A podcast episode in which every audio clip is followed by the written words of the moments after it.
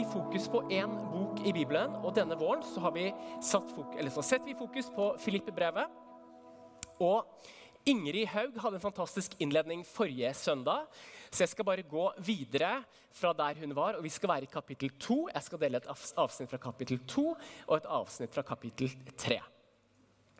Men en liten recap så er det sånn at Paulus sitter i fangenskap i Roma.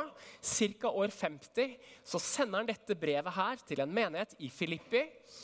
En, vi tror det er en ganske liten flokk eh, som bor i en metropol, også en ganske liten metropol som heter Filippi, som er i dagens Hellas, tror jeg. Det er i hvert fall i Europa. Eh, det var der Paulus ble satt i fengsel sammen med Silas. Han tilba, og så ble han satt fri. Eh, så sender Paulus et brev til denne menigheten som han er så glad i, og som han føler seg så kobla tett sammen med, for de støtter han, og de er tett på han. Det er det brevet vi skal lese. Og så leser vi det ikke bare for å bli smarte, men vi tror at Gud kan tale til oss gjennom det brevet som begynner å bli eldgammelt. Og så er det litt kult å tenke på at Den menigheten i Filippi den starta med at Paulus traff noen damer som hadde et bønnemøte nede ved elva. Det var en dame som het Lydia, som samla noen damer, jenter rundt seg, ba. Det er de Paulus plukker opp, og så bygges det en menighet ut fra den jentegjengen der. Og Det ble den første menigheten i Europa, og det er Filippe-brevet. Det var en god start på menighet i Europa. var det ikke? Vi skal rett og slett gå rett på Filippe-brevet, kapittel 2 og vers 6 til og med 11. Eh, de her er ikke bare kjernen i Filippe-brevet, det er det, men det er også en skatt i Det nye testamentet. Og Når vi leser det her sånn, så kan vi tenke at nå er det sånn 15-20 år siden Jesus døde, eller sto opp, og himmelfarten. Eh, så det er begrensa hvor mye skriftlig, begrensa mye teologi de har. Det, er, det er før MF, det er før HLT og før eh, alle disse andre tingene. Så her i dette diktet her, som kalles Kristushymnen, så får de så mye teologi på så få vers. Og de, de trykker det, den lille visa her, det poetiske avsnittet her til sitt bryst. Og vi vet at de sang denne visa, dette poetiske avsnittet, i de første generasjonene kristne. Så ha det i bakhodet når vi leser sammen. Jeg tror vi får det på skjerm. Da er det fra kapittel, eh, kapittel 2, vers 6. Han var i Guds skikkelse og så det ikke som et, eh, som et rov å være Gud lik. Men ga avkall på sitt eget, tok på seg tjenerskikkelse og ble menneskelik. Han, da han sto fram som et menneske Unnskyld, nå er jeg litt ute av takt der. Jeg leser her. Da han sto frem som et menneske, fornedret han seg selv og ble lydig til døden. Ja, døden på korset. Derfor har også Gud opphøyd ham til det høyeste og gitt ham navnet over alle navn. I Jesu navn skal derfor hvert kne bøye seg, i himmelen og på jorden og under jorden, og hver tunge skal bekjenne at Jesus Kristus er Herre, til Gud Faders ære. Skal vi gå inn i det litt sånn, litt sånn vers for vers, i hvert fall på starten her. Fra vers 6. Han var i Guds skikkelse vi vet at i Hebrevbrevet kapittel 1 så står det at Jesus kom til jorden som et bilde av Guds herlighet. Som en representasjon, som, en, som et bilde av Gud, så vi skulle bli kjent med hvem Gud er. Hvis du lurer på hvordan Gud er, så er han akkurat som Jesus. Men Jesus så det ikke som et rov, litt rar måte å si det på, kanskje, men han, han så ikke på noe som som det var noe han måtte niholde på. Det var ikke noe han var redd for å miste. det var ikke noe Han hadde til låns. Han visste at han var Gud. Han var trygg i hvem han var. og Derfor var han så villig til å gi det fra seg. Så før Jesus ble født i Betlehem, så var Gud i total harmoni sammen med Ånd og Faderen utenfor tid og rom, som den tredje Gud. Og så fins det alltid lærere i randsonen av kristen teologi som sier at Jesus var mest menneske og litt rann Gud, eller veldig Gud og litt rann menneske. Men Gud var fullt ut menneske og fullt ut Gud. Så står det videre her i vers 7. Men han ga avkall på sitt eget, tok på seg en tjenerskikkelse og ble et menneske lik.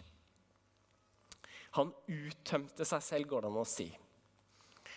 Han ga avkall. Han reiste fra himmelen, fra konserten av engler fra det livet der oppe til en skitten stall her nede.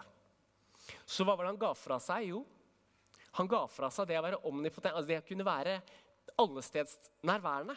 Omnipresent. Fra å kunne være overalt, så kunne han plutselig bare være ett sted. Fra å være, ha all kraft i himmel og på jord, så blir han et menneske som blir sulten og trøtt. Som blir prøvet i alle ting, som det står i Hebreerne 4. Han blir sliten.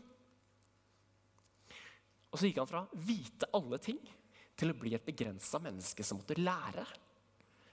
Det står i Lukas at han vokste i alder og visdom. Han måtte stille spørsmål, han måtte lære ting. Så Jesus tar av seg sin guddommelige kappe og ikler seg og blir et menneske. Det er et stort hopp nedover. Fra Gud til menneske. Så ble han ikke bare et menneske, men han ble en tjener. Han kom til jorda for å tjene. Han vaska føttene til disiplene. Han lagde frokost til disiplene. Han bøyde seg ned til de svake blant oss. Og så legger Paulus til at han ble lydig til døden. Så Jesus var lydig mot den planen som treenigheten hadde lagt, hele veien. Det var ingen som tok Jesu liv, men han ga Jesu liv. Og så legger Paulus på helt til slutten her, og han ble lydig til døden på korset. Og inn i den tiden her sånn, så så var det en ære- og skamkultur hvor det beste som kunne skje, var at du brakte ære til ditt navn. Det viktigste var ikke å bli rik, men å få ære. Og det verste som kunne skje, det var at du brakte skam over ditt eget liv. Og det å dø på et kors, det var en så stor skam at romerske borgere de kunne ikke bli dømt til døden på et korset hvis det ikke var for det vi ville kalt for landssvik. Ørliten sjanse. For det å dø på et tre Kroppen råtner på et tre. Det var en så stor forbannelse at man nesten ikke kunne ta det i sin munn. Men det er det Jesus gjør. Og Så ser vi et trappetrinn her. Fra himmel til jord, fra Gud til menneske. Fra menneske til tjener, fra tjener til lydighet til døden, og så til korset. Og Så går det videre her i denne hymnen at Gud derfor ga han navnet over alle navn. Hvert kne skal bøye seg for han. Og så kan vi se for oss at disse i denne kristne flokken der sitter og synger dette her og føler seg spikspenna gærne. Ikke sant? Keiser Nero, alle konger, alle jødiske ledere, skal de bøye kne for Jesus? Og så synger de det, og så bygger det seg en tro at det er sant. Og så hjelper de hverandre til å leve, ikke etter hva de ser og opplever hele tiden, men etter hva de vet ved troen i hjertet sitt er sant. Og det er ikke helt ulikt det vi gjør her heller. Når vi synger ut, så kan det se ut som Gud har hatt et litt sånn dårlig tiår på vårt kontinent. Men så synger vi ut at han er kongenes konge. Og når vi synger det ut, så begynner troen å bygge seg oss. Og så hjelper vi hverandre til å tro at det er sant. Så kan det virke som vi taper slag etter slag, men så vet vi ved troen at han har vunnet krigen. Ikke sant? Og det er noe av grunnen til at vi er her. Ok, Så det her er på en måte litt sånn sentral teologi. Vi kaller det inkarnasjon. Gud ble menneske. Men hva har det å si for oss? Og jeg vil si at det har alt å si for oss. All religion handler om at Gud er her oppe, mennesket er her nede. Og så skal vi tette dette gapet på en eller annen måte. Og Mennesker har i alle kulturer alle tider forsøkt å bygge liksom Babels tårn gjennom å be de rette bønnene, spise den rette maten, gjøre de rette tingene, osv., osv. Og så bryter Gud hele denne tanken og kommer ned.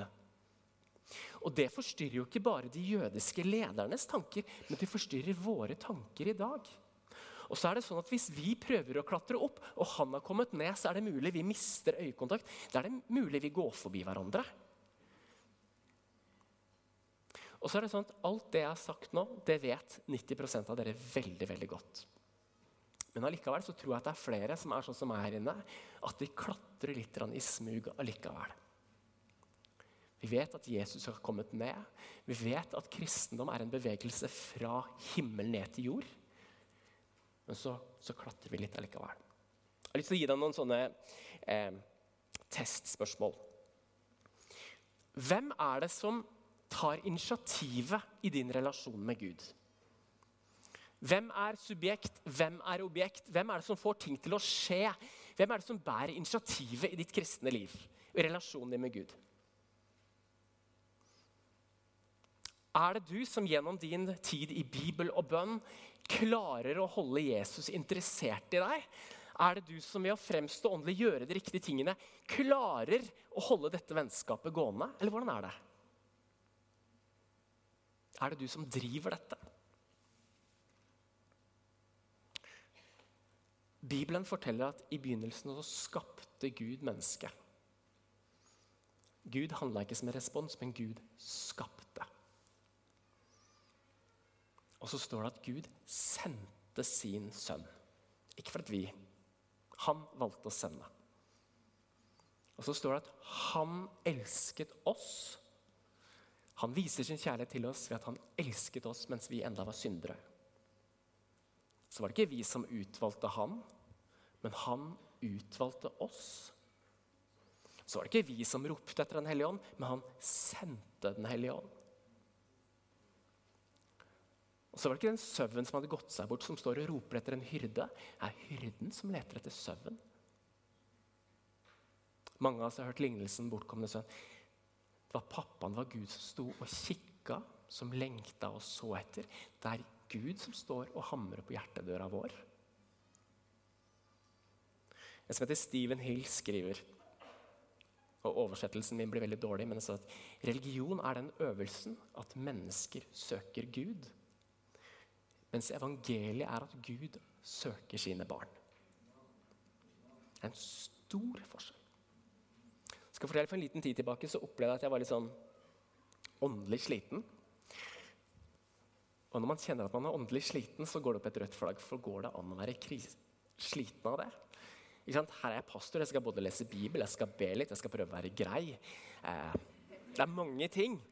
Så kjente jeg på en, litt sånn, på en litt sånn slitenhet. Og så kjente jeg at det her er jo ikke altså, Hvis det å være troende og være et Guds barn, så bør man jo ikke gå rundt og kjenne seg fryktelig sliten åndelig sett. Så hvis dere får de tankene, så må det gå opp et rødt flagg. Men da tok jeg et valg om for en periode så skulle jeg leve med ett fokus, og det fokuset var å ikke søke Gud. Eh, og for meg, jeg vet ikke om det er sånn for noen av dere, så er det ganske naturlig eller Veldig ofte så gjør jeg at jeg putter litt lovsang i ørene om morgenen, f.eks. Da var det bare å rive det ut. På pulten min hjemme så ligger det en del sånn kristne bøker. litt oppsatt. Da er det bare å klappe de sammen og legge de i hylla. Jeg er litt sånn dårlig til det, men eh, Av og til så kommer tanken å sjekke ut om det finnes noen kristne podkaster. Da er det bare å rive de ut av ørene. Og Jeg kan ikke stå her nå og pålegge dere å ikke lese Bibelen. og jeg vet ikke helt om det er min tjeneste heller. Men jeg unner dere å oppleve og erfare at det ikke er dere som driver deres eget kristne liv. Det er Gud som er subjektet. Det er Gud som initierer dette vennskapet. Og Så går det noen dager, og så kjenner jeg at Gud banker på hjertedøra mi. Og da sier jeg greit, da har jeg litt tid til deg igjen. Men jeg trengte å kjenne og føle og vite at mitt kristne liv ikke er å løpe bak Gud og prøve å søke ham, men å stoppe opp og vite at han vil finne meg. Det går an å prøve. Det går an å teste. Et annet spørsmål Er det sånn at Gud er glad og deler sin glede med deg? Eller er det sånn at du skal gjøre Gud glad? Det kan høres ut som et litt sånn fjasete spørsmål, men jeg vil påstå at det er veldig lite som påvirker ditt trosliv, påvirker din hverdag mer enn det spørsmålet. Hva slags følelser har Gud når han ser deg? Hva slags humør er Gud i? Og er det du som skal få Gud til å smile, eller er han glad? Hva tenker dere om det? David var en av de som kjente Guds hjerte best. Jeg har lyst til å lese noe han skriver i Salme 16, 11. Du lærer meg livets vei. Hos deg er glede i overflod og fryd uten ende. Ut fra Guds trone, der er det glede i overflod og fryd uten ende. Jeg tror det er tull og fjas og humor rundt Guds trone. Salme 38, 6. Hvor dyrebar er din kjærlighet, Gud? I skyggen av dine vinger søker menneskebarna ly. De får nyte overfloden i ditt hus og drikke av din gledes bekk. Det går en bekk av glede fra Guds trone som går ned til oss. Jeg må lese et bibelvers til. Sefania 3, 17. Han, Gud, gleder og fryder seg over deg og gir deg på ny sin kjærlighet. Han jubler over deg med fryd som på en høytidsdag. Også var det til Israels folk i dag, men vi kan ta det til som Guds folk i dag. Men allikevel så sitter du og tenker at det er greit. Han jubler over de modne iblant oss, de som har kommet et stykke på vei. Men sånn er det jo heller ikke, for det står at det er fest i himmelen når én synder vender om. Når én urettferdig snur om. Før han har begynt i huskirke, før han har begynt å be, før han har rydda opp, så er det fest i himmelen. Og I denne lignelsen om bortkomne sønn så er det sånn at festen starter jo før han rekker å rydde opp i livet sitt. Han brukte opp penger på prostituerte, på fest, på fjas. Så kommer han hjem og har brukt opp alt, totalt ødelagt som menneske. Da kommer festen. Det kan du tenke på neste gang. Gud fryder seg over deg. Gud er glad, og han vil dele sin glede med deg. Et lite testspørsmål til. Er du et barn i Guds rike, eller er du en tjener i Guds rike? Vi blir jo født, og når vi blir født som babyer, så er det mest elementære eller mest basiske vi trenger, det er jo litt stell og litt mat, kjærlighet og omsorg. Og så er det faktisk sånn også når vi blir født på ny, så er det det vi trenger. Jesus sier til Nikodemus at du må bli født på ny. Du er full av et system som ikke fungerer. Du må begynne helt på nytt. Ikke bla til et nytt kapittel. Du må bli født på ny. Og det må vi også. Men så er det så mange som har blitt født på ny, som ikke rekker å ta imot det stellet, den kjærligheten, den omsorgen som går én vei fra himmelen til jord, før de begynner å tjene. Og Så begynner man med et lite vakuum i hjertet. Man merker det ikke så ofte. Så begynner man å tjene for å fortjene, man begynner å gi for å få. Og så har man starta en bevegelse opp til himmelen før man har tatt imot og kan gi ut ifra det. Hvis du vet med deg selv at du er en klatrer, så ta til deg til ordet om at Jesus kom ned, bøyer seg ned til deg for å løfte deg opp. Det kan være så stor befrielse i livet ditt. Jeg skal lese et annet avsnitt til også. Fortsett å tygge på Filipperne 2.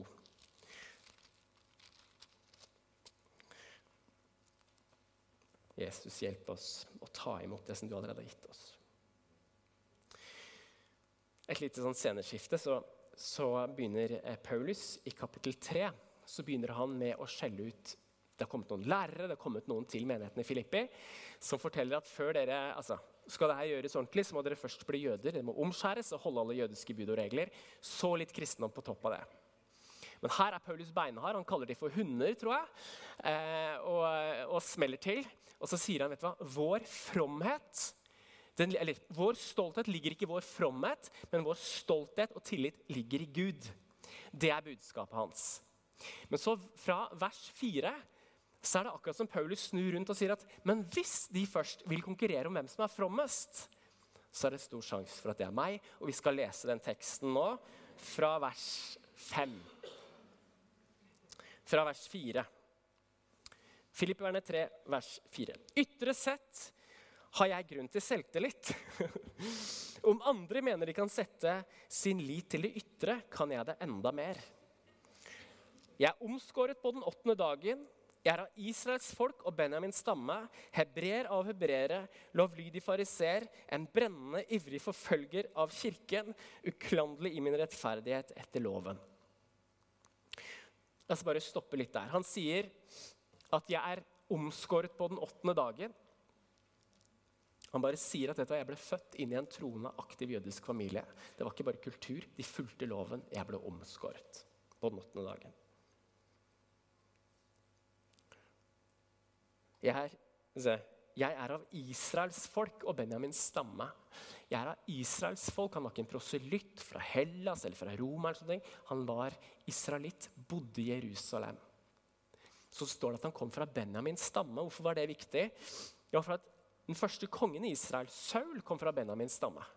Og Paulus, som het Saulus, var mest sannsynlig oppkalt etter Saul.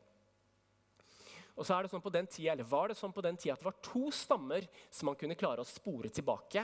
Og Det var Judas stamme som Jesus kom fra, og Benjamins stamme som Paulus kom fra. De to stammene de klarer man å trace tilbake til Abraham. Så Paulus sier ja, jeg er israelitt. Ja, jeg er fra Benjamins stamme. Og hvis dere vil sjekke det opp, så går det helt tilbake til Abraham. Jeg er hel ved.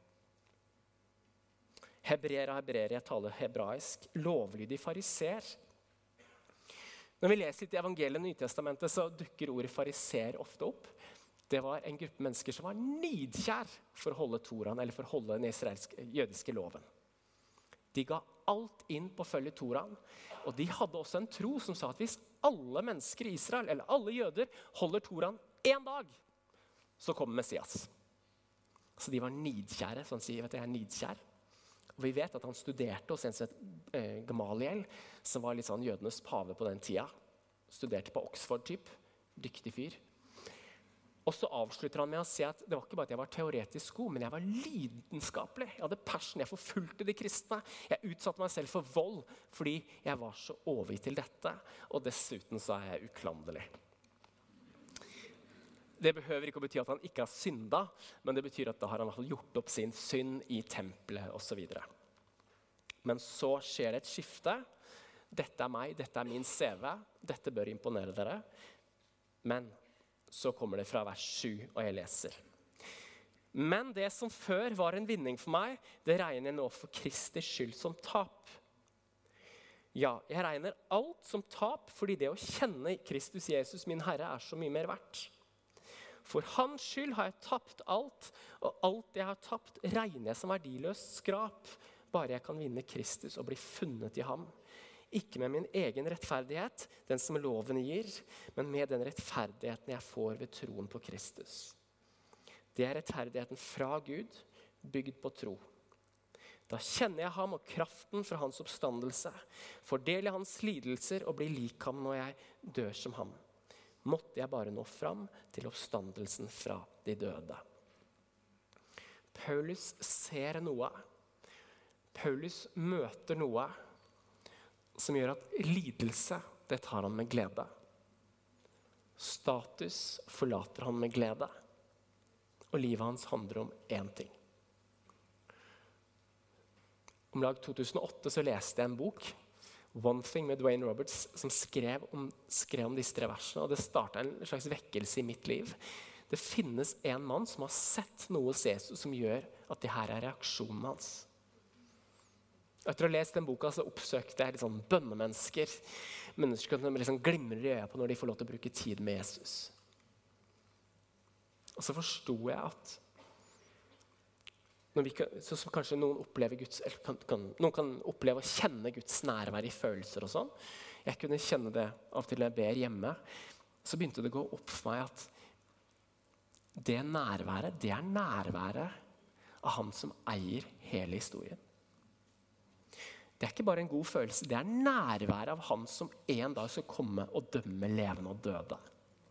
Det nærværet av Gud, det er han som kjenner alle hemmeligheter, og som kan avslutte livet her på jorda med et lite host. Det er Gud. Og så ble det tenkt, eh, tent en lengsel i hjertet mitt og en lengsel i mange av de jeg omgikk, som sa hva, hvis Gud finnes, så skal jeg kjenne ham. Hvis det er sant at Gud taler, da skal jeg være en av de som hører hans stemme. Og hvis det er sant at Gud virker på jorda i dag, da skal jeg være med på det. For hvis det er sant at denne Gud opererer midt iblant oss, så ser jeg ingenting som er mer spennende enn det. Og jeg har lyst til å utfordre deg altså, Hva er mer spennende enn å kunne bygge et vennskap med Jesus Kristus?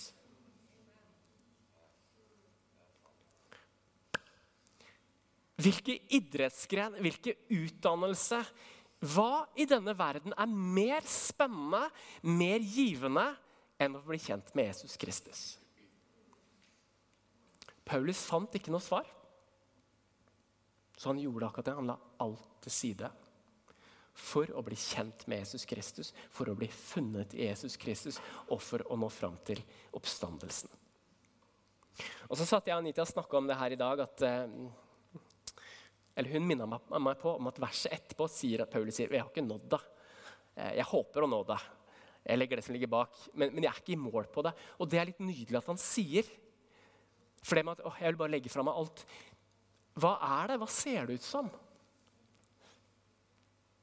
Jeg lurer på om, om det går an å starte hvert fall på et sted. For Paulus sier jeg vil legge vekk alt det her for å få lov til å kjenne Jesus Kristus. Så jeg møtte en, eller en jeg kjenner en dag fortalte at det han opplevde Gud talte til han om om dagen, det var å gå og legge seg en time før, så han ikke var så i svime dagen etter. Og kanskje fikk tid til å be litt. Kanskje kan det være et sted å starte. Ta vekk noen av de hindringene som gjør at det er vanskelig for Gud å bygge vennskap med deg før du legger vekk alt. Kanskje du skal legge mobilen fra deg akkurat idet du er i bønn, for å ikke bli avbrutt. Gud, er det noe vi kan gjøre, er det noe vi kan legge fra oss for å bygge vennskap med deg?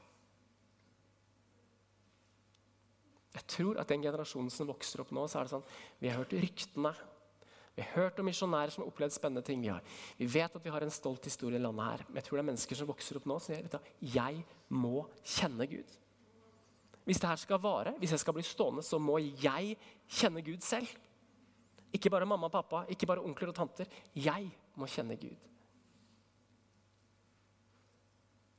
Og Så sier Paulus, og det er liksom Paulus uttrykk, han sier 'jeg vil bli funnet i Kristus'. Han bruker det uttrykket over 100 ganger i Nytestamentet. å bli funnet i Kristus. Han snakker om det i dåpen i Romerne, Romerne 6. Han blir døpt til Kristus, døpt inn i Kristus. Og det han ser for seg, er at vi flytter inn i Jesus. Sånn at når Gud ser oss, så ser han Jesus. Og nesten mer revolusjonerende er at når han ser Jesus, så ser han oss. At de skal få være i Kristus.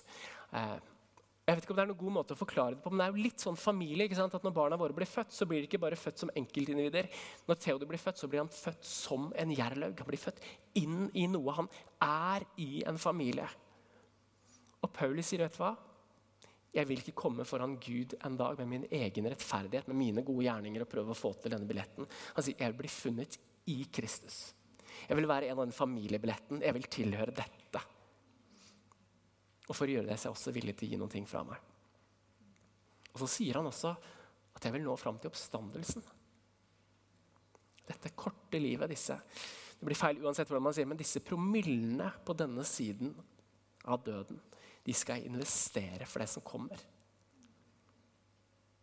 Det er en liten, liten promille. Eller det er jo ikke det heller. Av det som kommer. Hvordan skal vi bruke denne tida? Hvordan investere denne tida? I den forsamlingen her sånn så er vi rimelig unge. Vi har barnevelsignelser. Vi har konfirmasjon. Jeg skal vie to par her de neste tre ukene. Um, men vi har ikke hatt noen begravelser. Det skal vi takke Gud for. Fem år uten noen begravelser. Men det sier noe også om at eh, de vi omgås i våre miljø, så tenker vi ganske lite på død, vil jeg tro. Kanskje noen av dere jobber på sykehus og sånne ting, hvor dere har det tettere på. Men vet du hva? vi må minne hverandre om at vi skal dø en dag. En venn av meg spurte om å få en mentor, og han fikk en mentor. og Første samtalen med denne mentoren så gikk de bortover på Vestre Aker Gravlund, det heter? Vestre. Og så Han stussa litt på at de gikk dit. og så Mentoren bare tok han med mellom gravsteinene så jeg bare minner ham at du skal dø. og så tar vi det derfra. Vet du, Av og til så trenger vi å minne oss også om det. Og Paulus var villig til å legge ned så mye for å vite at jeg skal nå oppstandelsen. Dette var en smakebit fra to tekster i Filippe-brevet. og De skal få lov til å jobbe videre med det i huskirkene. Det er to sånne korrigeringer. Det ene er Stresser og klatrer du etter noe som Gud har gitt deg? Tror du at det er du som driver ditt eget kristne liv? Senk skuldrene og ta imot. Men så er det også sånn at når Gud kommer med sitt vennskap, når Gud kommer med sin frelse og sitt nærvær og sin kjærlighet, så bruk tid. Finn rom til å ta det imot. Paulus ga alt. Vi utfordres til å gjøre noen ting, tror jeg. For å ta imot og være til stede i det som Jesus gjør for oss. Du har hørt en podkast fra Imekirken Kollektivet. Følg oss gjerne i sosiale medier for inspirasjon i hverdagen.